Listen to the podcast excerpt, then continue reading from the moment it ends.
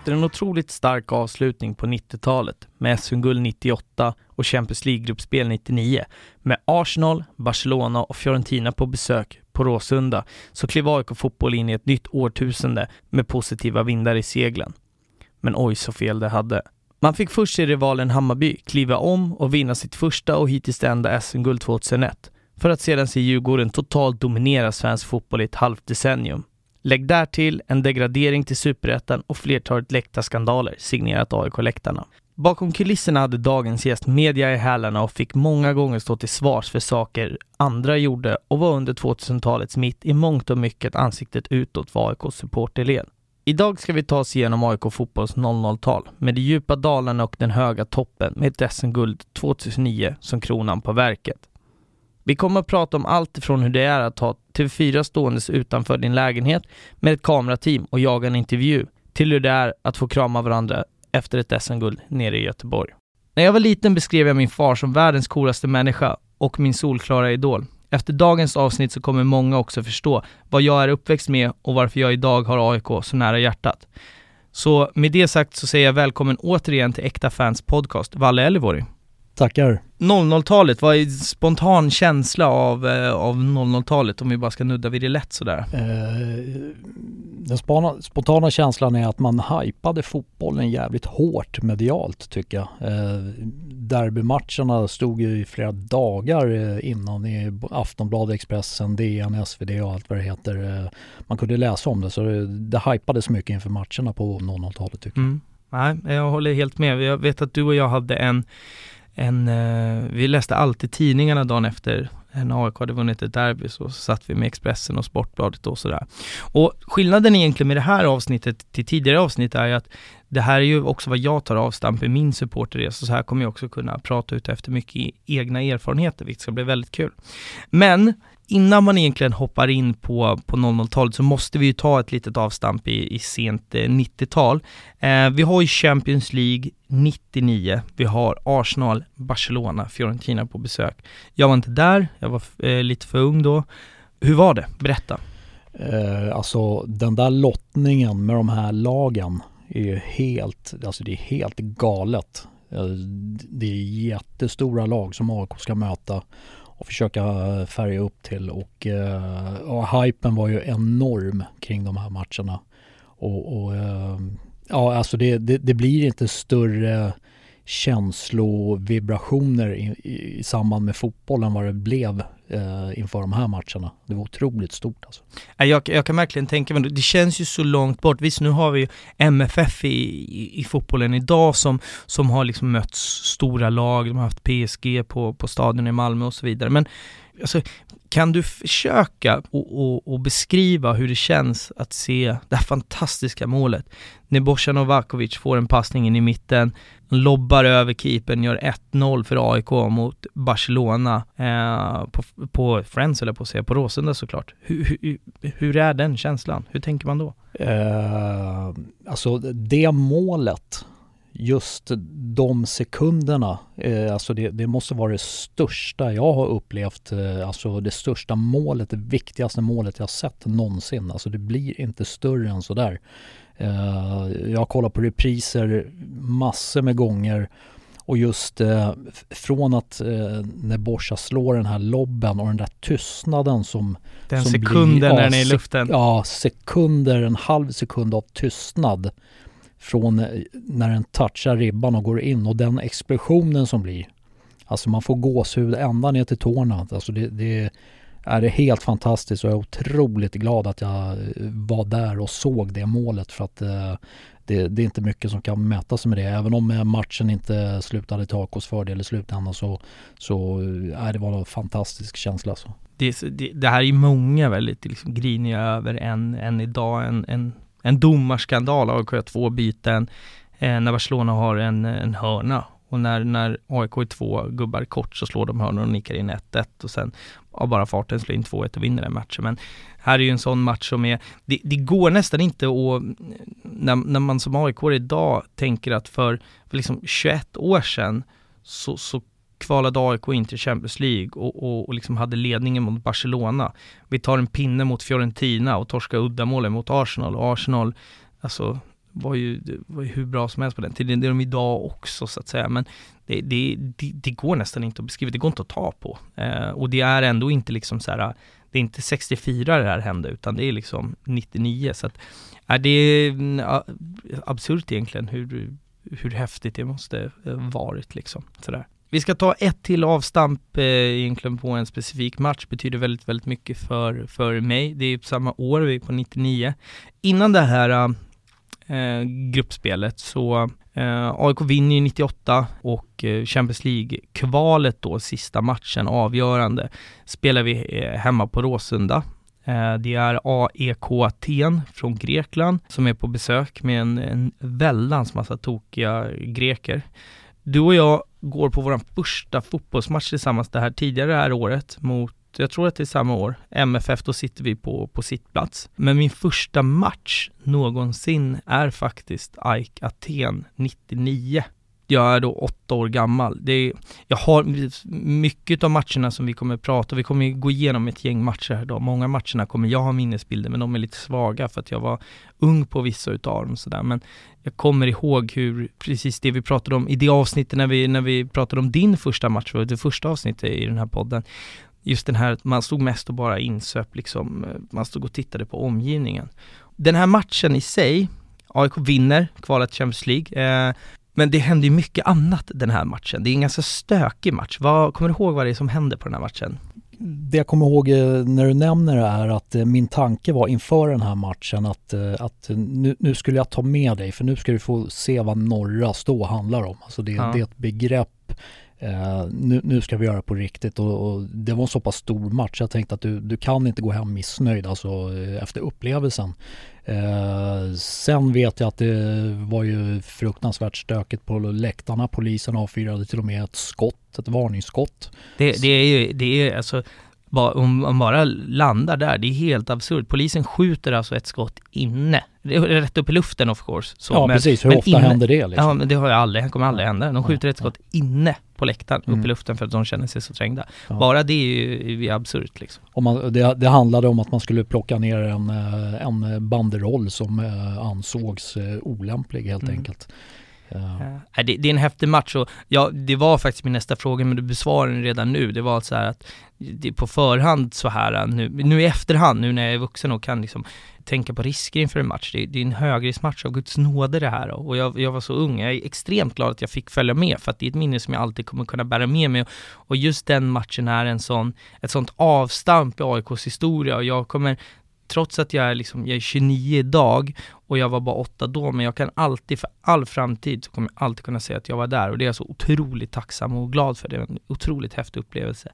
Det är den matchen, det finns en banderoll som, som är, är talande för, för den här tiden. När grekerna kom in så stod det stort som satan, så stod det bara 'Welcome to Hell' och det är, är, det en, det är en mäktig match som jag bara ville att vi egentligen skulle ta ett avstamp i och Eh, som sagt, det, det, det, jag lovade inför den här podcasten är att eh, när, när, vi är färdiga här idag så ska folk ha eh, en liten bild om vad, vad jag kommer ifrån och, och hur min supporterresa har sett ut. Eh, likväl som vi ska baka ner eh, en AIK fotbolls 00-tal helt enkelt. Jag tänker att vi ska en, en till grej på 90-talet som, som faktiskt är väldigt intressant eh, när man pratar publik och sånt där.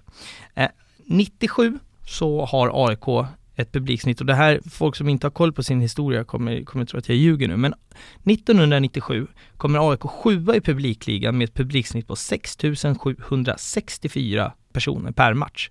Vilket med dagens mått mätt är helt otroligt. Året efter så vinner man publikligan. Man dubblerar inte riktigt sin publiksiffra, men man hamnar på, jag tror på 11 600 eller något sånt där. Publiken fortsätter att strömma till Råsunda. Över 00-talet så vinner AIK publikligan 8 av 10 gånger. Det året man inte vinner är det året man ligger i superettan och något år till. Va, vad är det som händer slutet på, på 90, början 00 som gör att det flockas så jäkla mycket folk till matcherna? Alltså dels så är det, det är sportsliga framgångar för AIK givetvis. Jag menar Champions League och allt det här. Det är, folk drar ju folk och jag menar det är stora matcher. Eh, och det, det, är fantastiskt för människor som kanske inte har gått på någon match och, och just börja gå på match i, i, i, samband med Champions League till exempel. Mm. Och det, det, är stora matcher, AIK har ett bra lag. Eh, AIK som förening eh, jobbar jävligt hårt för att göra sig själv eh, så stora som de faktiskt blev och eh, media är ju på eh, som de var i princip eh, hela början av 00-talet och hypar matcher jävligt hårt i, i sina tidningar och nyhetspoddar eller vad det nu var. Så att eh, ja, ja, det, det sker en explosion med, med människor på läktarna alltså. Och det, det, det, är också väldigt häftigt att se om man kollar senaste åren och det som är aktuellt nu är att vi har en helt annan publikgigant i, i Hammarby som, som har en ex, extremt fina publiksiffror men det, det, är många som, och anledningen till att jag också vill ta upp det är för att det är faktiskt många som glömmer sin historia och under det här årtiondet där jag Eh, frekvent gick på, gick ju på nästan alla derbyn, åtminstone för den senare hälften, så på, på Råsunda-derbyna så sålde Bayern knappt ut sina klacksektioner. Det var ju mer, mer vanligt än ovanligt att Bayern hade liksom inte sålde slut på sina läktare, så det är också viktigt och det var, det var en liten annan, en annan tid, eh, kort sagt sådär. Men för, för, att, för att förstå också din relevans i det hela, i, i, i hela 00-talet så så, så är det viktigt att, prata om din tid i Black Armys styrelse. Eh, du sitter i ganska många år. Berätta om hur, hela, hur du kom in i styrelsen och vad du gjorde och så vidare. Eh, jag blev helt enkelt eh, tillfrågad eh, av personer i den sittande styrelsen då. De behövde folk. Jag blev tillfrågad om jag ville vara med i styrelsen, vilket jag tyckte att ja, men det, det kan vara en rolig grej. Det, jag är på så att jag var med där, jag var som, började som suppleant, eh, fortsatte lite som eh, hjälpte till med souvenirer, eh, souveniransvarig med en kille som heter Oskar. Eh, blev vice ordförande, var det några år. På ett årsmöte så blev jag vald till ordförande mellan, och då satt jag då mellan 2006 till 2008 tre, tre år maxtid. Du, du är med i, i Black Army styrelse egentligen Alltså, Åtta och, eller nio år tror jag. Ja exakt, egentligen hela 00 fram till 2008 mm. och sen, mm. sen la du det där eh, lite bakom dig sådär. Så att, och ja, med, med det sagt, det är också därför det blir så otroligt intressant för vi kommer ju få lite andra lite andra synvinklar på, på det hela. Och så att alla förstår också, Black Army på den här tiden kontra Black Army idag. Black Army idag har ett par hundra medlemmar om jag får gissa, fem, 600 kanske. Så kan det vara, ja, ja. ungefär. Ja, om, jag, om jag får gissa. Idag så finns det också allmänna supporterklubben och så vidare. Black Army, mitten 2000, eller 00-talet, då pratar vi 3-4 tusen medlemmar kanske? Alltså, det var större då om man säger ja, så? Ja, det var större.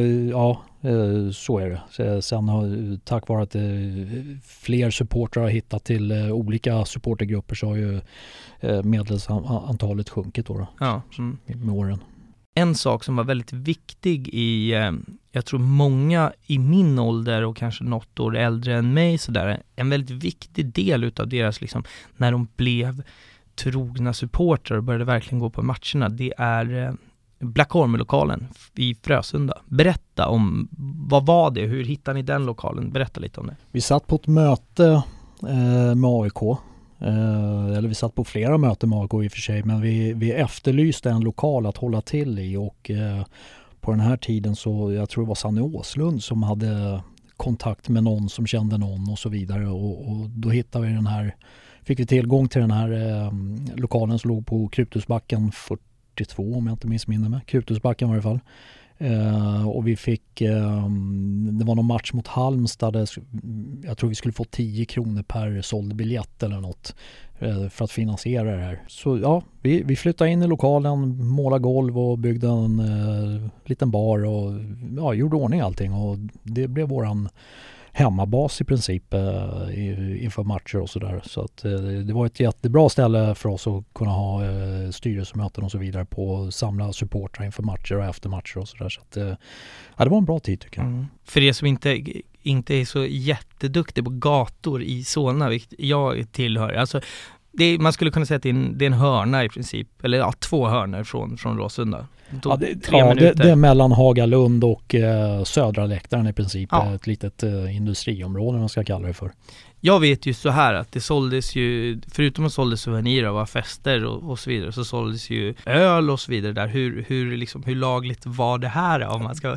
Jag vet ingenting om den här ölförsäljningen. Souvenirer sålde vi men eh, ja, vi hade öl där. Eh, jag tror att det faktiskt var så att eh, polisen såg mellan fingrarna för de tyckte det var bättre att vi satt, eh, var samlade ihop oss i en lokal än att vi spred oss, ut oss över hela området och folk sitter med en kasse bärs eh, i varje, vid varje träd och varje gräsyta. Så att man såg lite mellan fingrarna där och... Eh, de var väl också där ibland? Jag vet då, att de kom dit ibland och sa tja och kollade in så att det var eh, liksom någorlunda lugnt. Ja, jag vet att de brukade svänga förbi med en piketbuss ibland och vid ett tillfälle vet att det eh, klev ut en kvinnlig polis där de skulle in i lokalen men då ställde mig vid dörren så är du medlem? Nej, nej, det här är bara för medlemmar så du får inte komma in och då smilade hon lite grann. Sa nej jag fattar men eh, ni har det trevligt ikväll? Ja för fan det är, det är inga problem alltså. Ni, ni, vet vart vi är. Ja, sköt er så åkte de vidare bara. Så att det, det ja, det, det, det var lite charmigt just eh, den händelsen kan jag tycka.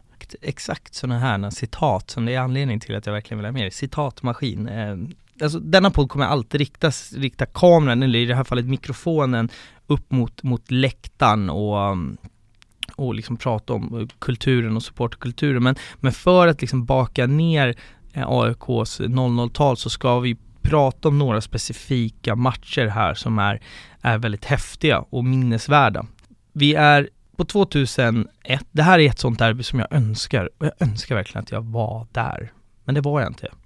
Hammarby vinner ju guld 2001. Det mynnar ut i att de kan vinna guld i ett derby mot AIK på Råsunda. Ett liksom ett historiskt guld.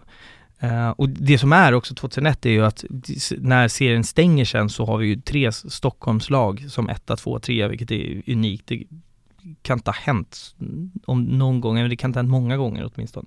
Den här matchen, du var där. Jag var där. Uh, den börjar med jag, jag, min åsikt är att det här är nog kanske det, det fetaste kaostifot som har gjorts i svensk historia inför den här matchen. Om du skulle förklara vad ett kaostifo är, om du börjar där då? Alltså ett kaostifo, då, då tar man, eh, man, tar alla typer av tifon i princip. Eh, någon får rätta mig om jag har fel, men man, man tar alla typer av tifon och så eh, kokar man en enda stor soppa och det, det brinner i alla färger och det är konfetti och rullar och flaggor och det, det är allt man kan tänka sig en enda stor blandning.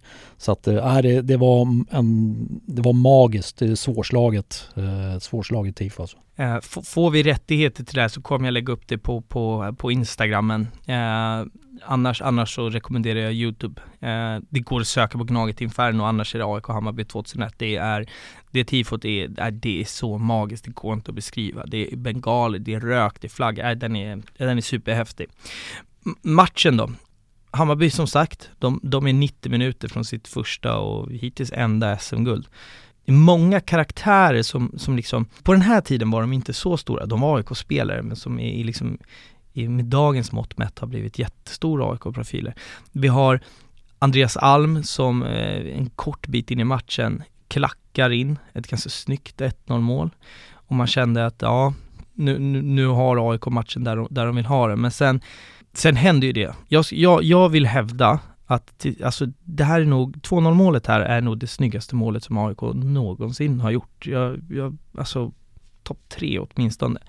Jag tror att det är Andreas Andersson, eller det är Andreas Andersson som kommer ut på högerkanten, ska slå ett inlägg som hamnar bakom Mats Rubart, som lägger sig och gör den sjukaste bicicleten rätt upp i klykan.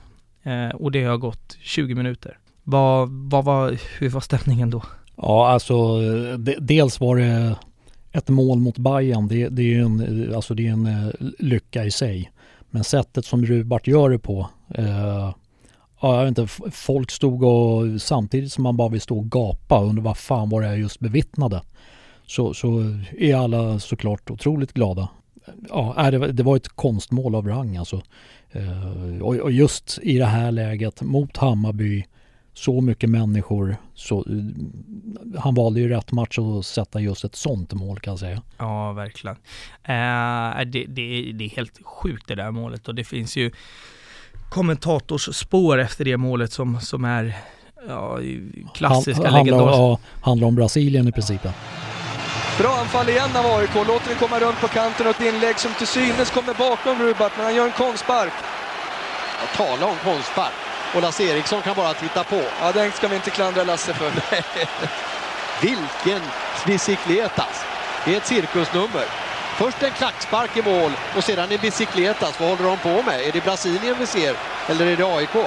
Kan du, du är inne lite på det här känslan och få fira ett mål mot Hammarby. Kan du, liksom vitt och brett, kan du försöka förklara känslan som, som man får i kroppen när ens lag gör mål? Vi tar, det, känslan blir starkare i ett derby, men alltså kan du försöka förklara den, den här primala känslan? För att man skriker ju som att, kan du försöka förklara?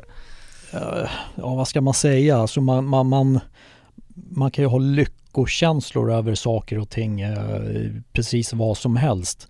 Men eh, det här, alltså just den här sekunden när man står där och följer en boll och den går in och tusentals människor exploderar. Det, det, ja, det är svårt att beskriva. Man måste nästan vara där och uppleva det och, och känna känslan. Men eh, det är en otrolig lyckokänsla som, som, jag menar, går man inte på fotboll eller hockey eller vad det är så, så har man nog aldrig upplevt just den sekunden av lyckoexplosion som faktiskt sker. Alltså man kan ju gå tillbaka och kolla på Youtube-klipp som bara handlar om läktarbilden läktarbilder när det blir mål. Och det, det, man får ju gåshud när man bara tittar på det så att det, det, det är svårt att sätta ord på det. Eh, man måste som sagt eh, nog uppleva det själv. Nej, jag, jag är helt med. Jag, jag har försökt att, att någonstans beskriva det här för vänner som, som inte är insatta och sådär men det, det, det är väldigt svårt för att det, det, det, är verkligen, jag tror att det som händer där och då är, är någonting som nuddar så mycket, alltså så nära reptilhjärna som man kan komma för att de tio sekunderna är, man är på en helt annan plats, mm. alltså så, så att det, det är en fantastisk, fantastisk känsla. Jag tänker att vi ska hoppa till en ytterligare en match faktiskt som vi ska prata ner lite grann om, om känslorna, också en sån här extremt klassisk match. Vi hoppar till 2003 Eh, Eh, det är höstderby mot Djurgården på Råsunda. Klockan tickar upp mot 77-78 minuter. Djurgården leder med 3-0. Vad händer sen?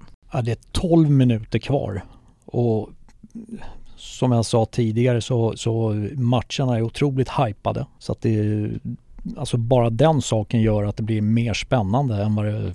Det är ju givetvis jättespännande men tack vare hypningen av det medialt så, så blir det en jättegrej att vara på. Eh, och, och, vi är i princip överkörda av Djurgården.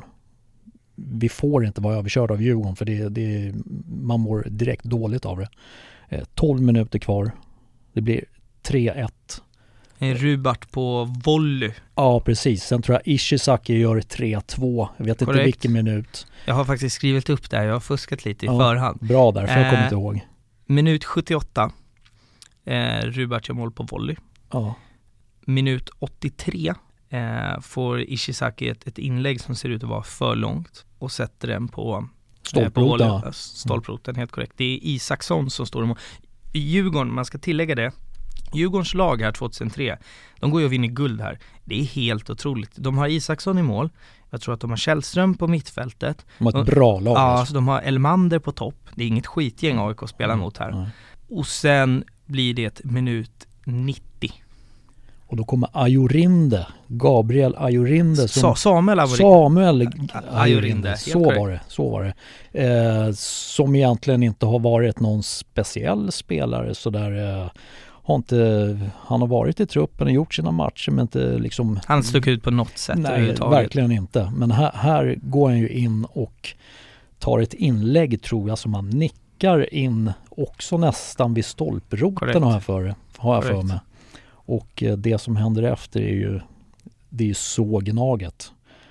Springer fram till eh, Soran Lukic och eh, tar tag i sitt AIK-emblem på tröjan och ber Soran och knäppa igen munnen helt enkelt. För att Soran hade ju snackat väldigt mycket inför Soran den här matchen. snackade väldigt mycket. Han gjorde alltid det i och för sig. Jämt och ständigt. Sören Åkerby sa inte så mycket. Han var mer han pratar väl mer eh, matchvänligt om man ska Mm, kalla det för, mm. eh, mer statistik och så vidare. Men, eh, Så, Soran var ju då, för att beskriva det här idag, tänk dig som Bojan Djordjic har varit i, i, i liksom AIK där man är jäkligt, man har, man har en, en attityd av Guds nåde, så var Soran fast liksom 2003, det var också, man hör ju det på namnet, en, en jugge liksom, med den med allt vad det innebär med den här attityden och han, han sket ju alla, han pissade på allt i media, ra- rakt upp och ner liksom. sen, sen får man inte glömma bort heller att Djurgården hade ju faktiskt förtjänat att eh, kaxa upp sig lite grann för de, det var ett jävligt bra lag. De tog guld.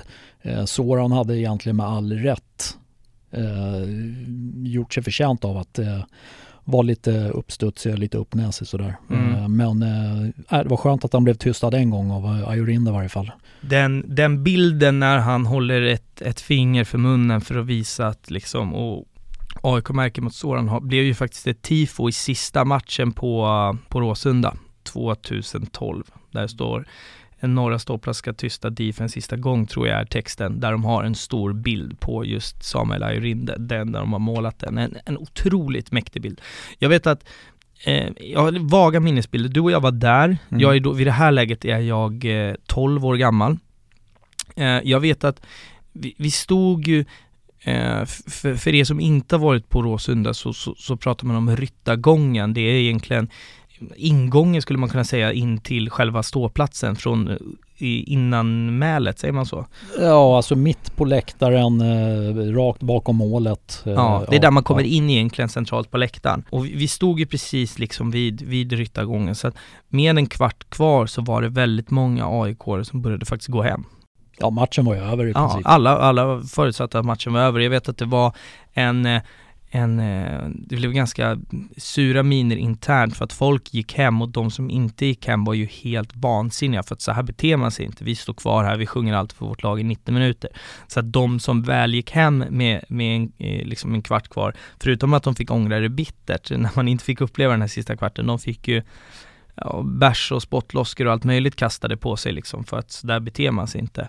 Eh, jag har egentligen ganska vaga minnesbilder, som sagt på den här tiden, jag var, vi var på matcherna och, men, men det var så mycket runt omkring för mig, jag tog in så mycket uttryck. Mitt starkaste minne var att eh, det, det var nog första gången man verkligen var med om något så här. det kändes som vi hade vunnit fast vi inte gjorde det. Jag vet att vi åkte bil hem, jag hängde ut min AIK-flagga ut genom, genom fönstret och bara ville visa hela världen att i den här bilen så sitter det aik inga, inga liksom förlorargårdar. Sen gick de och vann guld, men jag var otroligt stolt då över att liksom, eh, över att vara aik det, det är det jag faktiskt kommer ihåg från, eh, fr- från den matchen. Riktigt häftig match.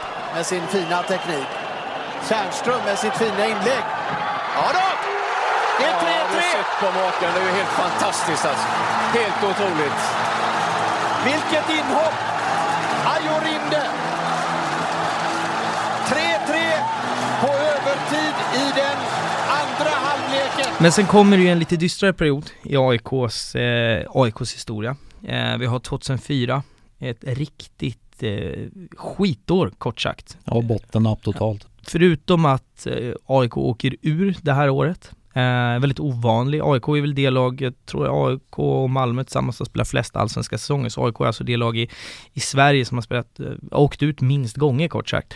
Men 2004 är ett riktigt bottennapp, man, man åker ur allsvenskan och utöver det som händer där så är det ju en, en väldans massa publikskandaler kort sagt. Och jag tänkte att jag ska dra några som ett exempel och det, det är några från 2004 men också från hela 00-talet. Vi har först eh, eh, Eh, det som händer med Sanne Åslund. Han är alltså VD i AIK Fotboll under 2004. AIKs ekonomi då är i botten och många supportrar då vill få det till att det är liksom hans fel. Han har dragit ner AIK och skiten. I augusti månad 2004, AIK ligger i bottenträsket, de är på väg att åka ur. Eh, kommer han hem till sin villa, då har någon spikat upp ett träkors på hans gräsmatta där det står avgås Anny. Mm. Två månader senare så sker eh, vad, vad många eh, eh liksom, eh, kallas gallerskakningarna. Jag var inte på den matchen och det här, här kan du faktiskt få svara lite, för att det här är en tes som jag har. Det som händer i gallerskakningar kort, kort och gott är att eh, det är tre omgångar kvar. AIK ligger riktigt risigt till. Eh, Lulushanko gör 1-0 för Hammarby, firar lite mot AIK-klacken och folk spårar ur och försöker ta sig in på, på planen. Och det blir handgivning med polis, det blir eh, liksom kaosartad situation så. På den här tiden så gick vi i princip på, på alla matcher och alla derbyn specifikt tillsammans. Men just den här matchen så sa du att nej, den här gången får du inte följa med. Min tes nu när jag är vuxen är för att du kunde, du var så pass smart att du tänkte att händ, torskar Gnaget den här så, så kommer det bli kaos. Så att du vill inte ha med mig för att jag var för ung. Stämmer detta? Ja, det stämmer. Ja, äh, äh, men jag kände att äh, visst, derby en stor match är jättekul men äh, ens egna barn är ju nummer ett oavsett. Så att äh, jag kände att äh, händer det något så händer det i den här matchen eller innan eller efter. Så att nej, det, det kändes som att jag tog ett pappa-ansvar just den mm. gången och eh, tänkte att nej, vi får gå en annan gång istället. Så att, eh, Klokt beslut så här i efterhand för att vi stod, alltså den placeringen vi alltid stod på Råsunda var ju precis där allt det här händer. Ja. Eh, finns också att kolla på, vi ska se om jag kan lägga upp någonting på, på Instagram så ni får en liten känsla det, det som händer eftermälet till den här matchen är ju att eh, AIK får spela inför tomma läktare och det, det, vet man ju nu under corona att det, det, är inte så jäkla kul och en avgörande match eh, får AIK spela inför tomma läktare och torska mot eh, Örgryte med 3-0 och åker ur allsvenskan då. Eh, utöver detta i superettan händer ytterligare en publikskandal. Vi är nere och spelar i Göteborg mot Gais borta. Jag tror att det här är 2005 eh, i superettan. Gais borta där eh, Eh, där, där Gais hemmasektion blir stormad av 50-100 personer som springer rätt in i deras klacksektion och börjar slåss vilt. Vi har 2008 när eh, eh, AIKs AIK styrelse, AIK fotbolls styrelse väljer att eh, ta bort eh, VD Charlie Granfeldt och tränare Rickard Norling som har varit med. Han kom då 2005 i Superettan, väljer att sparka dem och på en presskonferens då så stormas presskonferensen av Eh, vad jag bara kan gissa är, ett, eh, är x antal herrar från eh, firman Boys. Jag kan bara gissa att det var eh, den grupperingen. Eh, in på, stormar igenom egentligen eh, pressen och polisen och skriker av Gola och blev ett jättestort pådrag i media. Där eh, slutar med att Ola Andersson till slut eh, avgår då helt enkelt. Eh, det här är några av de stora händelserna. Sen var det ju, det var diverse stökigheter på stan, runt derbyna och så vidare. Eh, och i mitten av allt det här så står du och får i mångt och mycket, du får ju svara upp för det här i media och eh, jag skulle säga att i mitten utav 00-talet så var du lite en talesperson för Norra Ståplats. Överdriver jag då? Eh, ja, kanske inte för Norra Ståplats men för, en, eh, för, för många aik överlag sådär. Eh, man, får ju komma ihåg att nu är vi i en tid där eh, Black Army och eh, AIK-supportrar försöker att bli, eh, ska vi kalla det för rumsrena kanske, eller eh, åtminstone ha ett visst samarbete med AIK som, eh, som förening och, och ha en viss närhet till varandra. Eh, vilket gör att eh, man kanske inte vill lägga locket på och inte svara på frågor när tråkigheter händer likväl som eh, om det händer bra saker. Så att, eh, då, på den tiden så valde vi att inom föreningen att vara öppen för media och svara på frågor för att inte göra oss själva till syndabockar genom att inte vilja ställa upp på intervjuer och så vidare. Så att, eh, därav mediapådraget och eh, eh, det som händer. Ja. Mm. För jag vet att på den här tiden, idag så är ju många journalister väldigt pålästa. De, de förstår hur liksom grupperingarna på läktarna, vem som gör vad. De förstår idag att det inte kanske är Black Army som är de som bränner bengalen och att det inte kanske är Ultras Nord som står i en grusgrop i Gnesta. Alltså de, idag har de koll. På den tiden så kändes det som att de, de sket lite i att vara pålästa och Black Army som var den största supporterorganet fick ju någonstans stå till svars för det mesta egentligen, det, det som hände.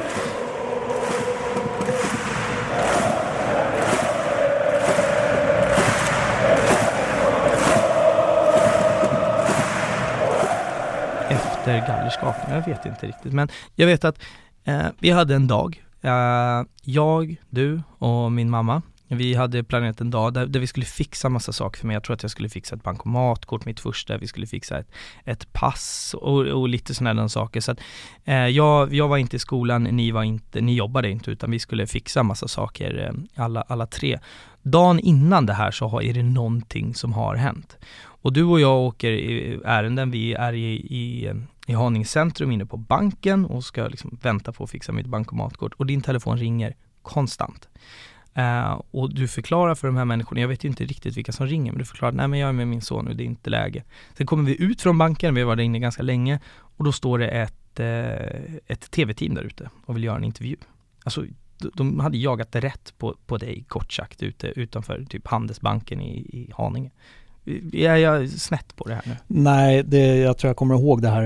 Det det handlade om var väl egentligen att eh, x antal supportrar hade blivit dömda efter den här gallerskakningen. Så kan det mycket väl vara. Eh, och, och, då ville man ha ett, eh, någon form av uttalande från mig vad jag tyckte om det och eh, innan eh, någon kamera eller ljud rullade så sa jag att ja, men vad fan, de, de är dömda enligt svensk lag så jag vet inte vad jag ska säga. Det, det finns inte så mycket att säga utan eh, det som hände, det hände. Eh, det var känsloyttringar på några stå. Eh, man skakade på gallret. Nu är de dömda. Jag vet inte eh, vad ni vill med mig egentligen och vad jag ska svara på de här frågorna. Men som jag sa tidigare så vill man inte lägga locket på. Man vill ändå vara tillgänglig som en supportförening och, och ja, öppen för allt och alla, mer eller mindre i varje fall, mm. när det krävs. Så att, ja, vi pratar en stund. sen, sen får man komma ihåg att pratar man i tio minuter så kommer man med i två minuter och det man själv tyckte var viktigt att få sagt eh, är många gånger bortklippt. Så att eh, eh, så är det allt som oftast. Mm. Och jag, jag, vet ju under den här tiden alltså eh, Speciellt min unga, unga, unga tonår sådär, alltså det var ju mycket media, det var ju, alltså för mig så var det ju Dels så var ju Black Army och AIK det coolaste som fanns och du var med på TV ganska mycket under en period. Det mm. finns, ju, finns ju fortfarande idag eh, en, en dokumentär som Eh, som är superkul att kolla på så här. Det, det, är mycket som fortfarande är samma lika. Det är just inspelat i, i, i den här Black Army-lokalen. Det är fotboll på dödligt allvar va? Eller blodigt allvar heter den. Ja det är det nog ja. ja fotboll ja. blodigt allvar. Ja. Och det var ju lite sån här, du gjorde ju inte, inte outsider, det är den med folk som gillar att klä ut sig till bebisar och ja, sådär. Ja. Insider hette det, det som gick efter ja, Efterlyst. Ja, ja.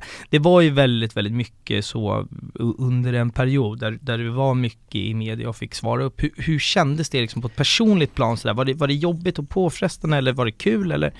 Nej, alltså det var inte jobbigt och påfrestande utan eh, det jag däremot reagerar på just på den här dokumentären är att eh, eh när vi ska på kuppfinalen tror jag var på Stadion borta mot Djurgården så, så eh, spelar man in lite scener och jag pratar med alla möjliga människor och poliser och, och så vidare. Och, och sen när man ser dokumentären så har de klippt ihop det som att att eh, AIK-supportrar Djurgårdssupportrar de går runt på stan för att eh, hitta varandra och slåss och, och de här stackars poliserna då som sitter i piketbussar och eh, hjälmar och sköldar de, de, måste åka runt och försöka stävja det här. Mm. Men faktum är, vilket blev bortklippt totalt, att vi i samband både med Djurgårdens säkerhet, jag satt själv med Djurgårdens säkerhet, jag satt med AIK, jag satt med polisen. Mm. Och vi försökte att spika en väg som vi skulle vandra för vi hade ju en, eh, vi hade ju en marsch.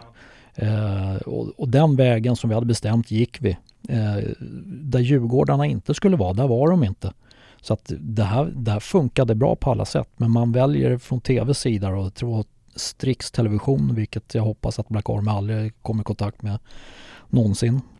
Eh, de klippte ihop det som att det var kaos på stan. Eh, så att där blir man ju lite förvånad när man faktiskt försöker visa en hyfsat bra bild av eh, den moderna supporterföreningen av idag. Liksom. Mm. Och så tittar man på, på det där och det blir bara totalt fel. Alltså, så att, Ja, jag förstår. Jag, det blir jag, frustrerande. Ja men det, det, det, förstår jag. Jag vill ju, alltså, jag såg ju hur du jobbade så extremt hårt för liksom en positiv läktarkultur. Jag vill ju hävda att, i alla fall i våra led, så tror jag att eh, du har gjort alltså, mer än vad du någonsin kommer våga erkänna själv. Och det säger jag inte bara för att du är min, min pappa. Jag har trots allt varit med i supporterled ganska länge, men jag tror att det du gjorde där och, och då eh, liksom har så extremt många människor fått bära frukt utav i efterhand. För du var verkligen transparent med allt. Du ställde upp och de som frågade, ja men jag ger dig svar. Och sen, sen ibland så, media är ju media såklart, men eh, eh nej men jag, jag, du gjorde väldigt, väldigt mycket då liksom.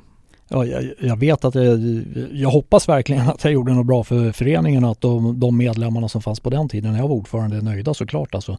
Eh, men, men sen, eh, jag gjorde ju saker som aldrig syntes till exempel. Eh, som ett exempel så, så eh, mejlade jag till, jag tror det var, om det var Aftonbladet eller Expressen och Karin Götblad som var eh, polis. Chef i Stockholm ja, va? Först på Gotland ja, och sen precis, i Stockholm. Ja, Mm. precis. Eh, jag mejlade henne för de hade skrivit någonting om, jag, jag kommer inte ihåg om det var i samband med gallerskakningen eller någonting men det var svarta rubriker och man kallade eh, våldsverkarna i det fallet, vad det nu var, eh, för Black Army. Mm. Eh, I fet, fet stil i, på den här eh, dagstidningen. Så då mejlade jag henne.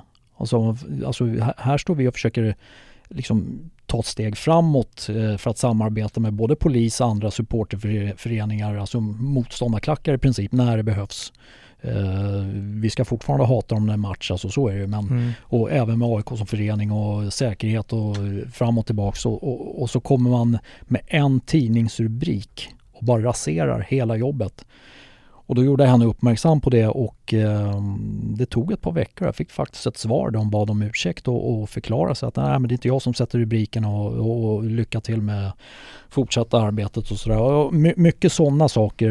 Det sker ju hemma i kammaren på kvällarna i skymundan. Det är ingen Mm. som ser men eh, mycket sånt gjorde jag också faktiskt. Eh, Och det, det är sådana saker som, som när du har suttit hemma på kammaren så har jag också suttit i samma kammare. Eh, så det, det är sådana saker som jag också har, har Mm. eh, fått se. Mm. Det är superintressant att ja, att ja. Höra verkligen. Liksom. Jag har även suttit på polishuset, Kronoberg och eh, eh, försökt förklara hur man kan bete sig som polisman i samband med matcher och derbyn och så vidare. Mm. Alltså lite så. Eh, ett För litet- att lugna supportrar och ha en Ja, bra kommunikation. Nej, utan istället för att det kommer en polis och hugger en supporter och säger sätt dig mot väggen i 45 minuter och man får inte ens veta varför. Det, det är inte okej. Alltså, sen får man ha vilken uniform som helst men det är inte okej. Då kan man eh, klappa någon på axeln och säga du kan du stå kvar här och så väntar du några minuter. Det är lite stö. Alltså, man, man, man kan bete sig bra eller dåligt och, och lite sådana möten har varit och jag tror det ändå har burit frukt för att det, efter ett möte som vi hade på Kronoberg där både Djurgården och Bayern var representerade så, så var det ett derby. Jag vet inte om vi mötte Bayern eller om vi mötte Djurgården, skitsamma. Eh, man pratade med presstalesmannen för polisen efter derbyt och han sa att det funkade jättebra den här matchen, klockrent. Vi har haft möte med supportrarna och det är jättelugnt derby så att det någonstans bara ändå frukt och, och, och sen kanske inte Black Army är kända genom åren för att eh, sitta och diskutera med polisen utan det är snarare liksom att sitta i en polisbil och åka iväg någonstans. Men eh, eh li, li, lite sånt försökte vi med på den tiden i varje fall och, och ibland funkar det ganska bra faktiskt. Mm. Ja, eh, superintressant och det, det är av precis de här anledningarna som, som jag verkligen ville att, eh, vill att du ska vara med för att man får verkligen en annan, en annan bild av vad, vad som skedde bakom kulisserna, bakom kulisser som, som jag återigen, jag poängterade återigen, som, som jag fick, eh, som jag, som jag är uppväxt med och som jag hela tiden har fått sett sådär. Eh, men jag tänker att vi ska, vi ska eh, eh, hoppa vidare till eh, mitt favoritsegment, rätt eller snett. Eh, och det, det är faktiskt på, på det här ämnet som vi har eh, diskuterat.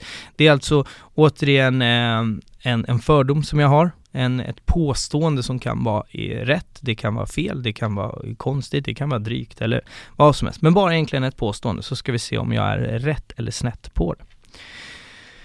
Du gjorde media längre och mer än vad du egentligen ville för du insåg att ingen var lika bra på det som dig.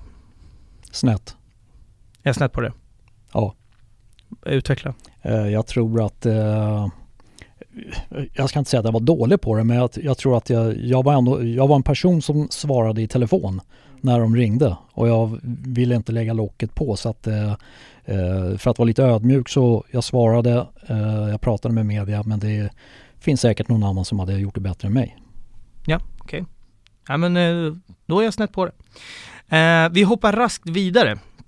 Eh, vi ska gå igenom eh, riktigt pissår, ett av de värsta pissåren i, i liksom AIKs moderna historia faktiskt. Det vankas då Superettan 2005. Eh, då är du eh, vice ordförande i Black Army. Det blir en kort vistelse i Superettan. Eh, AIK vinner ju den serien. Jag tänker vi har en bortamatch som är superintressant. Jag var inte där, jag vet att du var där. Den är intressant utav det, med, med den anledningen att det känns så extremt långt borta från vart AIK fotboll är idag. AIK spelar alltså i Superettan 2005. AIK ska spela borta mot Boden, åker dit torskar med 5-1. Eh, du var där, berätta om den här resan. Ja, vad ska man säga? Boden borta, torsk med 5-1. Alltså det, vi var många som åkte upp. Det var en jävla rolig resa. Vi hade verkligen skitkul på vägen upp. Och när vi var där uppe. Vi kommer in på eh, arenan, kommer inte ihåg vad den heter, uppe i Boden. Eh, de har någon ehm, eh, sponsorkampanj. Så att det, det, det, är mycket gratis eh, folk som är inne på arenan och ska se matchen. Jag vet militären är där och har eh, pansarvagnar riktade mot bortaläktaren. Alltså riktigt, riktiga ja, pansarvagnar? riktiga pansarvagnar med personal. Och pipan, pansarpipan står riktad mot, mot eh, våran eh, klacksektion. Förstår du om det här hade hänt idag? Vilka skriverier det hade blivit då? Ja, eh, vi var inte så jättelättkränkta på den tiden så att vi tyckte det var en lite rolig grej. Men jag pratade med en, eh, en jättetrevlig eh, publikvärd, en guljacka som tillhörde Boden och, och, sa att det, där ser inte riktigt snyggt ut. Alltså, jag vet att det är Black Army som är här nu och AIK, vi, vi är här nu men det där är lite överdrivet alltså. Så att, peka gärna den där åt något annat håll för man riktar inte vapen mot folk. Alltså det, det, det, han styrde upp det där direkt ja, du har fan rätt alltså, det här är inte snyggt någonstans. Han snackade i sin telefon, tog en minut och så drog den där pansarvagnen igång och så riktade han om tornet och körde pipan upp i luften istället. Och, ja, med, med diverse applåder då. då så att, eh, men nej, de var jättetrevliga och, och bra att, att göra med där uppe. Matchen gick ju åt helvete, det vill man inte ens tänka på för man åkt så där jävla långt. Det var folk som åkte bil från Malmö Alltså det, de har ju någon form av så här internt rekord hur många mil man har åkt. Just det, det trycktes upp en Mal tröja om ja, det här va? Ja, Malmögnagarna. Jag tror jag har en, jag köpte fan en tröja själv bara för att det var så kul. Och så här 360 mil fram och tillbaks, 5-1. Eller 1-5 rättare sagt. Nej 5-1, alltså, det var ju Bodens hemmamatch. Men äh, ja, det var, det var ju lite kul alltså. Äh, det var en rolig resa, allt var bra på... Men de var alltså, väl livrädda för att AIK skulle komma till stan? Alltså de låste i princip in sina döttrar och på kvällen så satt vi med, med lokalbefolkningen där på något eh, Eh, ja, någon, någon krog där och, och eh, då lättade de upp lite grann. Vi fick till och med en eh, gammal, eller gammal ska jag inte säga, medelålders kvinna som jobbar på bibliotek och blev medlem i Black Army. Hon tyckte det var jättetrevligt att vi var där. Och jag vet att vi satt på någon sportbar liknande O'Learys. Jag tror vi var tre supportrar och en snygg servitris. Satt och pratade lite grann. Dagen till ära så hade de eh, AIK-kläder på sig. Och utanför så står det alltså två piketbussar och en målad bil och väntar på att kravallerna ska starta inne på den här sportbaren. Det, det slutar med att eh, personalen går ut och ber dem åka därifrån. Så ni, ni, behöver inte vara här, ni, ni, har något viktigare att göra. Vi är säkra på det. Alltså det sitter några killar och dricker några öl, de är jättetrevliga och vi sitter och pratar lite så ni kan åka härifrån. Men ja, det var ju den, den stämningen och de hade väl gått ut i sin lokaltidning också att eh, i princip så här lås dörrarna för snart kommer AIK. Men eh, nej, det var en bra kväll. Eh, inget stök så vitt jag vet alltså. Eh, lokalbefolkningen var ute på samma krogar och sådär så att det, nej, det funkade bra. Som det brukar vara ska ja, sägas. vi representerar oss själva på ett bra sätt uppe i Boden, så är det. Ja, jag, jag har hört lite, lite historia om den här resan. Det känns bara så, så absurt att AIK kommer till Boden eh, och torskar också. Ja, det känns det, så långt bort från det, dagens fotboll. Det mest absurda som hände på den matchen, det var att en kille, han eh, drack punch med en eh, vad heter det, sån här spruta när man har sockersjuka, när man har Insulinspruta. diabetes. Insulinspruta. Fyllde han med punch och drog rakt i magen upp i ett hotellrum medan vi andra drack öl ur våra burkar. Och så här, nu jävlar, nu kör vi alltså. Så det, det, det, var kanske det mest extrema som hände den här resan. Ja, det har ju krökats en del på, på en diverse bortamatcher, det ska gudarna veta. Den här, det här året går ju efter, efter Boden, eh, rabaldret Boden borta, så går ju AIK ändå som tåget här.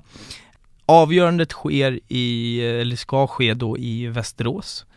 Um, borta, AIK behöver vinna matchen så, så är AIK tillbaka i, eh, i Allsvenskan. Uh, du och jag är där tillsammans.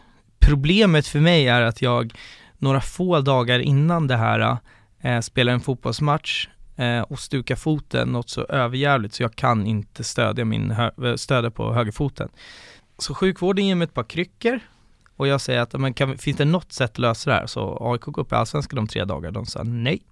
Så att jag är på matchen borta mot Västerås 2005 på kryckor. Jag kommer ihåg det så väl när det var ju så överjävligt med folk. Alltså för, för, för er som lyssnar och ska förstå hur mycket AIK det var där. Jag, jag gissar på att det var 95% AIK inne på läktaren. Ja, jag tror det var, alltså om arenan tog 12 000 så var det 10 000 AIK. Nej, de tog inte så. Jag tror Nej. att de tar 8 000 ja, ja, men, ja, men det var som ja. du säger 95 Jag tror till och med Västerås gick ut och uppmanade sina egna supportrar att inte köpa biljetter för att de skulle kunna sälja det till AIK ja, kommer. Eh, Västerås på den här tiden var ju, nu, nu har ju de en ganska fin ekonomi efter, eh, vad är det, Lindelöf-pengarna va? Mm. Eh, men på den här tiden så var de, de låg ju liksom precis och var på väg att gå i konkurs och få den här matchen. Eh, som kanske räddade det hela klubben i, i sådär. Mm. Det ska jag låta vara osant men Ja det var en magisk kväll var det? Ja, de sålde ju årskort, de som hade årskort sålde det till AIK och sådär. Alltså det, och får storma planen på Ja, på kryckor. Så jag, jag hoppade över, det fanns ju en sån här liten eh, reklam... Sarg. Typ. Sarg, ja, ja exakt. Som jag vet att jag tänkte att jag inte skulle storma planen för att jag just gick på kryckor, men sen när liksom alla var inne tänkte jag, äh, nu jävlar ska jag också in. Men det var just när jag kom till den där Eh, för, först vet jag att jag kom på kryckor förbi en, eh, eh en här orange jacka. För er som har varit mycket på matcher vet att de som har gula jackor i publikvärde och de som är orangea är, är liksom gruppchefer. Har jag rätt då? Så kan det vara. Ja. Och, och det är en, en känd eh, Eh, gruppchef inom, eh, inom AIKs liksom säkerhetsteam som kollar på mig, jag kommer på kryckorna och ser att jag ska storma plan och bara ställer frågan så här, men vad håller du på med? Jag, jag liksom tänkte att har jag ögonkontakt med honom då kommer jag inte få komma in. Så kom jag fram till den där sargen och insåg att här kommer jag liksom inte över, den var för hög. Så jag fick någonstans köra en som en, eh, hur ska man beskriva det, som att hoppa eh, stavhopp över den där och liksom göra, landa i gräset. Jag visste att jag skulle ramla, göra en kullerbytta och sen upp på kryckorna igen och in på Eh, in på planen. Fantastiskt häftig, eh, häftig grej att vi fick eh, tag i biljetter. Jag vet att när vi skulle gå in på den matchen, vi har ju några sådana, vi har diskuterat tidigare här när du har tagit pappabeslut och det här var också ett sånt ganska roligt jag vet, i kön in till, eh, in till den här matchen, folk trängde sig och folk hade inte biljett och klättrade över stängsel och så vidare. Men jag vet att du var så orolig över mig med mina kryckor så att när jag gick där i kön så var du så jävla noga och du gick och knuffade undan folk. Så, Min son går på kryckor, akta! Så att vi, jag hade en liten, liksom, en liten cirkel runt mig som du var jävligt noga med att hålla så att jag skulle kunna ta mig fram på mina kära kryckor. Det här är riktigt, riktigt starkt minne. Också en sån där match som jag är så här, efterhand så extremt glad att jag fick eh, eh, gå på helt enkelt. Innan vi hoppar över till det sista året och där vi kommer lägga mycket krut till 2009 så, så, så um, någonstans 2007-2008 tror jag är du med i en väldigt intressant diskussion gällande Friends Arena i form av att du var ordförande i Black Army då och in, inför arenabygget så ville de ju ha supportrar med egentligen hur, eller ja, Berätta du, hur gick det där till? Det, det, var väl egentligen så att man, ehm, man släppte nyheten om att nu är en ny arena på gång. Eh, den kommer ligga ungefär där. Men eh, hur fan ska den se ut egentligen? Ska det vara en, två, tre, fyra etage eller hur, hur gör vi det här på, på ett bra sätt? Och då fick vi uh, hyggligt nog frågan ställd till oss i de olika supporterföreningarna inom AIK och uh, vi satt väl på något litet möte där, eller ett par möten. Uh, och, och, folk hade med sig förslag, eh, bilder från arenor runt om i världen som man tyckte att den här ska vi försöka efterlikna och ja, ja, och, ja rent eh, så tekniska prylar och, och, praktiska prylar kring en ny arena. Så att eh, där var vi med lite grann eh, i uppstartsfasen kan man väl säga. Mm, också häftigt. Jättekul att få vara delaktig där. Så. Vi hoppar över då. Kronan på verket efter det här årtiondet så att säga Uh, där, där Djurgården har dominerat. Hur var det förresten, innan vi hoppar in på 2009? Hur var det? Alltså, jag vet ju hur jobbigt det var att gå till skolan när Djurgården bara vann och vann och vann och alla deras spelare, bara landslaget ute i Europa. De var ju helt överlägsna Djurgården, liksom första fem, sex åren egentligen på, på, um, på 2000 Hur var det att gå till jobbet och polare och sådär på den tiden? Ja, vad ska man säga? Det, det, någonstans är det så här, det, det svider ju inte mer än när Djurgården när det går bra för dem. För det är ingen som önskar att det ska gå bra för Djurgården. Och det gick ju riktigt jävla bra för dem. Eh, men någonstans så får man ju bara inse att de var så bra som de eh, faktiskt bevisade så att det, det var inga konstigheter med, med de åren utan eh, det var ju bara bitar i sura äpplet, le mot kameran, glass och ballonger och låta dem vinna sina jävla guld och, och liksom mm, det finns inte så mycket att säga. De, de gjorde det välförtjänt. Eh, det var, att de hade ett bra lag under flera år så att eh, egentligen inga konstigheter men eh, det är klart det sved alltså. Mm, jag kan tänka mig. Men någonting händer ju tidigt 2019 återigen så, så vill jag förmedla ett, ett otroligt starkt minne som jag har. Jag fyller alltså 18 år, eh, 17 januari 2009. Jag får höra, vi, vi ska ha en liten Eh, vi ska käka en liten middag och ha lite fika hemma, eh, ja, hemma i din lägenhet då, eller våran lägenhet på den tiden. Uh, och du säger åt mig att du måste vara hemma mellan, om det var typ mellan tre och fem, då måste du vara hemma. Och jag sa varför då? Det märker du. Vad, vad är det som skedde bakom kulisserna här? Bakom kulisserna så, så var det väl så att eh, tack vare vårt nära samarbete med AIK så hade jag Rickard Norlings telefonnummer inlagd på min telefon så att eh, eh, jag ringer honom och berättar att fan tja Rickard, det är Valle här. Du, eh, min son fyller år imorgon. Det, det, det, skulle vara riktigt stort om du bara kunde skicka ett grattis-sms till honom så här, eh, någon gång under dagen imorgon sådär. Det skulle vara riktigt stort och då, då frågar mig så här, vart bor ni? Ja, vi bor i Vändelsö men eh, kan du skicka det här smset? Funkar det? Jag kommer, sa han. Ja men skojar du, så? Jag kommer, får en adress bara, skicka adressen till mig. Och det, det som ska tilläggas här också är att Rickard Norling kommer ju in i sin första session i AIK 2005 i, och tar Superettan. Han har alltså, det här debaclet som vi pratade om tidigare med Avgola, han har alltså fått sparken bara några veckor innan innan det sker. Jag tror att han får i årsslutet eller om ja, det är någon ja. månad, en, två månader, några mm. veckor, jag vet inte. Han, han, är inte tränare för AIK i det här läget utan AIKs styrelse har liksom kastat honom framför bussen egentligen. Mm. Eh, strax innan det här ja. ska också tilläggas. Ja, och, och, och, i samband med det här så, så går ju AIK-alliansen ut med en, eh, vi går ut eh, medialt och berättar att vi vill ha Rickard kvar. Vi stödjer inte det här beslutet att man ska bort så att han vet ju om att han har supportrarna bakom sig. Mm. Hur som helst, han får adressen, alltså, så berättar han att jag kommer ungefär den här tiden. Så att ja, sen, sen ringer dörrklockan i lägenheten. Ni kan ju tänka er min, min chock. Det plingar på dörren och jag har ju liksom ingen aning. Jag har ju, jag, min, min flickvän på den tiden, hon visste ju, så jag frågade henne så här, vad är det? Tänk om jag inte blir, alltså, jag vill ju verkligen inte vara så här, du vet, otacksam. Tänk om det kommer någon som jag inte blir glad att den kommer. Eh, så jag frågade henne, så du måste berätta för mig så att jag vet hur jag ska reagera. Hon sa, men tänk på Rosa, sa hon. Hon bara blåste i mig såklart. Hon sa, tänk på Rosa. Jag tänkte, vad fan är detta? Och så plingade det på dörren. Och, och där står han. Rickard Norling. Mm, är helt fantastiskt. Och där står han, ge mig en, eh, ett paket eh, med eh, ett, ett grattiskort och när jag öppnar den där så har han i paketet lagt ner sin träningsoverall med tillhörande träningströja. Jag frågade honom rakt upp och ner så här, men vad fan gör du här? Varför? Varför mig? Var, var, hur liksom sådär?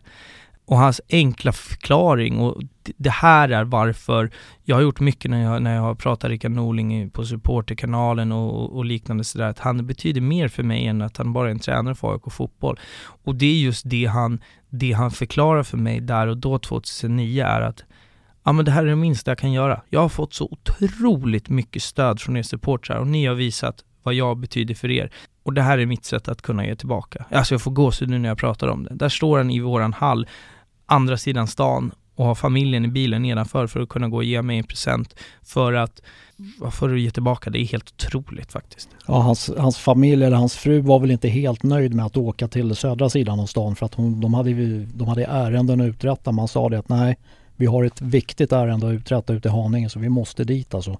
Så att eh, ni får snällt följa med och, och det tar inte så lång tid men eh, vi måste dit. Så att det var stort av honom att komma, så otroligt. Och det var kul, kul för mig som pappa att kunna ge en sån eh, födelsedags... Eh, ja, present, eller vad ska jag kalla det för. Ja. Och ni kan ju bara föreställa er, på den här tiden, det här var innan, innan Instagram och Snapchat och sådana här saker, men Facebook fanns ju. Ni kan ju bara ana om hur avis folk var. Jag har ett foto hemma på det. Ja. Dessvärre jävligt suddigt. Jag har försökt förbättra det men nej, det finns bildbevis. Ja det har jag, det har jag också på min, min Facebook, alltså ni kan ju tänka er hur folk var avundsjuka på det. Det är, nej, är riktigt, riktigt stort och därav så är Rickard Norling en människa som, eh, som jag alltid kommer ha sån otroligt eh, stor respekt för. För han är, eh, vi pratar mycket om i dagens fotboll att AIK har spelande supportrar, vi har också en tränare som är en stor supporter. Men vi ska börja så sakteliga knyta ihop säcken här, men men, men, men. Vi har ju trots allt säsongen 2009 eh, kvar. Nu är vi i början av, nu, nu har vi pratat om januari 2009. I mångt och mycket, jag vet att i andra podcast har man, har man liksom bakat ner den här säsongen. Det var ett rövarpack egentligen som, som mer än någonsin beskrev, alltså spelarna beskrev hur våra läktare ser ut. Folk kom överallt ifrån. Folk hade olika hudfärger, folk pratade på olika sätt, folk tyckte olika saker men alla bara kom ihop och blev en, eh, en otrolig trupp. Och vi går igenom 2009 och bara vinner och vinner och vinner. Och det slutar med, det är alltså vi mot Göteborg som, som går som tåget den här säsongen och det slutar med, ganska unikt egentligen i, i svensk fotboll, jag vet inte när det har hänt sist, en rak final nere i Göteborg. AIK leder allsvenskan med en poäng inför sista omgången. Så kryss eller vinst för AIK är SM-guld. Vinst för Göteborg är SM-guld för Göteborg, kort sagt. Eh, vi är nere i Göteborg, men vi får inga biljetter. Berätta om hur, hur det gick till runt där. Eh, ja, vi försökte ju som sagt eh, när, när det var dags att fixa biljetter så det, det rasslade bara till så var allting slut. Men vi skulle ändå åka ner till Göteborg i andra ärenden, hälsa på människor så att eh, då gjorde vi det i samband med matchen. Uh, och vi hittade ju någon, vi hittade någon krog där, jag kommer inte ihåg vilken krog det var. Men vi, vi satt ju utanför arenan och försökte och försökte och tänkte att får vi biljetter, kostar de 5000 styck så tar vi dem. Men det var ingen som sålde biljetter. Nej, jag, jag har ju en liten annan. Det här vet jag att du och jag har pratat om i efterhand du vill inte riktigt känna, känna sig vid vissa saker som sker utanför arenan. Jag var ändå 18 så jag är starkt övertygad om att det här händer. Först och främst då, det var ju eh, du, jag och, eh, och ditt ex eh, som var, som var där. Eh, du börjar ringa, du har ju liksom i, i, i- så mycket som du har gjort för AIK och supporterskap genom alla år, du har aldrig krävt någonting tillbaka. Men det här var första gången du liksom ringde på ett helt annat sätt och bad om en tjänst. Då ringde du och sa vi står utanför, vi behöver en biljett. Så ringde du de samtalen du kunde tänkas och frågade efter tre biljetter. Fick nej. Och då gick, eh, Eh, då blev vi bara två, då blev det bara du och jag kvar. Då ringde du typ samma samtal och sa nu är vi bara två, gick inte och sen ringde du några samtal och sa en biljett. En biljett behöver jag, jag behöver en person som kommer in. Släpp in min son bara på matchen. Men det gick inte, det var helt omöjligt. Sen den händelsen som, som här kanske våra tolkningar går isär. Jag vet inte hur mycket du kommer ihåg den här situationen. Jag har en bestämd åsikt här i alla fall nämligen. Eh, vi står utanför insläppet, vi sitter precis utanför insläppet till, eh, till, eh, till AIKs läktare. Vi ser på håll hur det kommer en, en hop med unga män på kanske 70-80 personer. En mobb. En mobb, ja. Man ser det alla svartklädda. Vi kan, vi som har gått på fotboll kan ungefär avläsa vad det här är för typ av människor. Och vi förstår ganska tidigt att de här har ingen biljett men de kommer ta sig in på, på läktaren. Jag tror så här, och det här är min tes. Hade jag varit där själv, eller hade du varit där själv, så hade vi tagit oss in på den matchen tillsammans med dem. För att, det är min iakttagelse här, och det är här jag tror, jag vet inte om du kommer våga erkänna det här, vi sitter på någon slags räcke så här och jag ser att när du ser dem så båda vi är på väg i att halvt resa oss upp och tänka att det här, vi, jag, Vi jag, hänger jag, på. Ja, vi hänger på. Men jag tror att du tänker att jag är här med min son, jag kan inte göra det här för att vi är här tillsammans. Jag tänkte, jag kan inte göra det här när jag är här med min pappa. Men jag är helt övertygad om att hade vi suttit där själva så hade, så hade vi tagit oss in. Har jag fel här tror du? Uh, ja, eh, nej, jag ska inte säga att du har fel, men eh, det, det är klart man känner någon form av ansvar för att det, det är ju inte, alltså, det är ju en eh, aggressiv mobb som kommer. De ska ta sig in, alltså vad som än krävs. Jag vill ju inte ta min egen son och ställa mig mitt i den högen med människor, men hade det gått på ett smidigt sätt, till exempel att vakterna hade tänkt så här, äh, öppna grindarna och låt dem springa in. Då hade jag lätt kunnat tänka mig att, att eh, vi skulle haka på den klungan med människor mm. och ha sprungit in. Det hade jag inte haft något problem med. För, för min känsla är att jag, jag, jag ser att du ser mobben, vi ser samma sak och jag ser att du är i princip på väg, sen landar tanken hos dig att nej men det här går inte. Nej men jag tänker, kommer det 20 poliser och, och 40 guljackor och ska försöka stå emot och det, och det liksom blir jordens boxningsmatch, ska, vi, ska jag stå där med min son då Nej. Nej. Det, eh, nej så att, å, eh, återigen ett, ett klokt pappabeslut så här ja, efterhand. Ja, faktiskt. Eh, så. Men det som händer då till slut, vi, vi ger ju till slut upp. Det, det, vi är inte ensamma att stå där utanför och inte ha biljett ska gudarna veta. Eh, så att vi blir slussade till eh, Gamleport. Gamleport var det, fullt med aik eh, Och det är, det är alltså en krog som tar, den har tre våningar tror jag, nu var det bara undervåningen som var öppen. Det borde kanske alltså ur, ur lagligt perspektiv, så vad kan de ta in? 300 pers? Kanske? Ja, om alla våningar är öppna, inte, på, inte 300 pers på bara undervåningen, det tror jag inte. Nej. 80 pers på undervåningen bara. Ja, okej. Okay. Hur många var det där inne tror vi? 300 pers. Minst. Alltså det var, jag har aldrig varit inne i en pub som var så trång. Eh, vi kommer utanför, farsan då väljer att, nej jag tränger mig inte in här. Och jag tänker, för att det fanns liksom ingen TV, TV att se. Jag tar beslutet att jag måste se trycker mig in här. Det jag ser när jag kommer in det är att folk står på borden.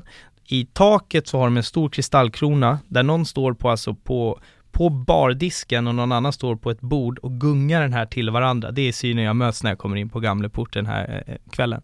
Eh, mitt i det här folkvimlet, som av en slump så träffar jag Eh, en polare som jag alltid brukar gå på, alltså som, som, som gick med, med oss på matcherna. Som bara, nej men jag är här med hela, hela ligan som jag brukade gå på matcherna för att den här resan ner till Göteborg gjorde jag och, och liksom, eller du och jag tillsammans sådär. Och de hade gjort en egen resa ner.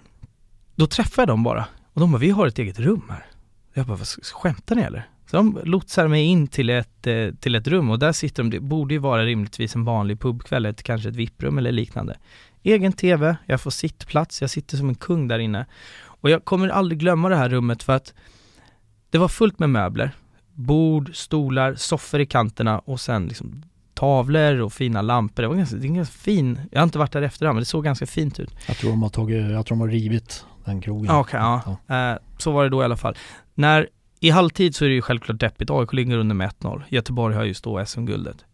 När AIK gör 1-1 då hoppade vi upp på, på bänkarna bakom, då ramlar någon tavla, någon lampa, någon hoppar upp på bordet som ger vika. Eh, och det börjar liksom, det är bara mycket bråte in i det här lilla eh, rummet. När AIK gör 2-1, då är det kaos i det här rummet. Stolar, bord flyger, folk är så lyckliga så att då är det ju liksom färdigt. Och när signalen eh, blåser och har tagit SM-guld så firar vi och ska försöka ta oss ut därifrån. Min minnesbild kanske är överdrivet, man hade druckit några öl och man var i sånt glädjerus. Men vad jag vill minnas så fanns det inte ett endaste bord, inte en endaste stol och då snackar vi att det kanske var åtta bord och 25 stolar där inne som var hela. Det bara låg som bråte på golvet, det låg en halv meter liksom ved inne i det där rummet. Och jag tar mig ut därifrån, hur glad som helst. Uh, och utanför, precis när jag kommer ut, så ser jag dig. Mm. Och vi får ge varandra en, eh, en kram och få fira att vi har vunnit SM-guld efter tio år eh, tillsammans på fotbollsläktare. Det är, det ögonblicket och den känslan är, eh, är det ett så otroligt starkt minne faktiskt. Att vi var där, även fast vi inte var inne på mm, läktaren, mm. så att, att vi fick göra det tillsammans. Mm, mm. Vad är dina minnesbilder från liksom Ja, ja här. alltså det, det, är precis allt det du säger. Jag var nog inte inne i det där rummet som du var med, med dem. Jag stod, det kändes som att jag bara stod och trängde mig in vid dörrhålet och fick en skymt av en TV. Jag såg det hyfsat bra för den var ganska högt upp sådär. Men äh, äh, ja, alltså självklart jättestor kväll på alla sätt. Eh, dock en liten besvikelse där med biljetter. Man hade ju velat vara där inne så fan vad stort. Men eh, ja, det fick vi ju ta igen vid ett senare tillfälle. Så att jag ångrar också så här, det är tråkigt att man inte var där, men på ett sätt nu, så, så, så här i efterhand, så det blev så jäkla bra för min egen del ändå. Jag fick Mm. fira det med dig, jag fick också, att vi inte fick biljetter gjorde att jag fick fira både med dig och de som jag gick liksom mycket på matcher med, med då, i och med att Mm. jag hade flax att träffa dem där. Så att, äh, det var en eh, otroligt, eh, otroligt stor, eh, stor kväll. En vecka senare, då har ju AIK tagit sig till eh, AIK har också tagit sig till cupfinal. Vi ska möta Göteborg där också. Göteborg får komma upp till Stockholm den här gången. Vi, eh, vi vinner komfortabelt, joggar hem eh, cupsegern. Och därav så har vi vunnit Dublish 2 lax 9. Då var det liksom eh, knöt ihop säcken där. Det blev ett eh, begrepp. Ja, Dubbers, Eh, två lax nio. Ja. för er som inte vet det, det här är man aik så har man stenkoll på det här, men det kommer egentligen från att i segerintervjun efter att AIK tagit SM-guld så intervjuar man Martin M. Mutumba som har alltså tatuerat AIK guld 2 lax 9 två dagar innan den här avgörande matchen, vilket är helt galet egentligen. Tänk om man inte hade, alltså På bröstet. Ja, alltså exakt. Sådär. Så att eh, det, det stänger ju faktiskt 00-talet med en, en, en dubblish, vilket är helt, helt fantastiskt. Och det var ett, ett, ett år som, eh, alltså, som jag för evigt kommer minnas och, och det starkaste minnet på på, på det året är just att faktiskt att få, få komma ut från Gamleport eh, och, och, och, och få ge varandra en kram efter att ha vunnit guld, vilket vi fick göra tio år senare sen Ja, ja egentligen, men det är, det är ett, annat, eh, ett annat avsnitt. Mm, mm. Då har vi kommit till hela noll Har du någonting som du vill eh, lägga till här innan vi knyter ihop ordentligt?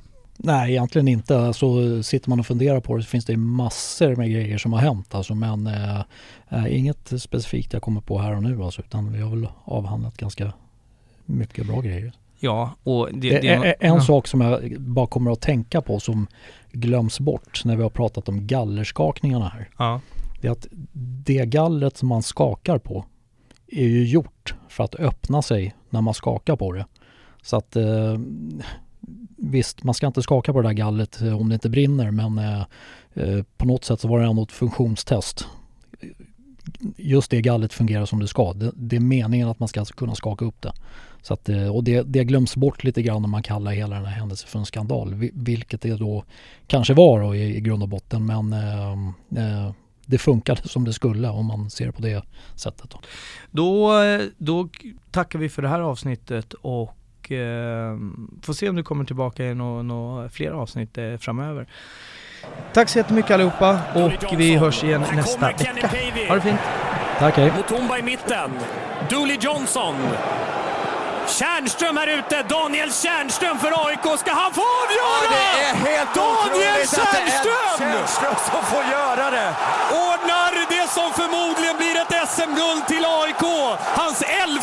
Säsong i AIK. Men du, vilken... Det här är helt otroligt. Tjärnström utav alla spelare. Lagkaptenen med det stora AIK-hjärtat.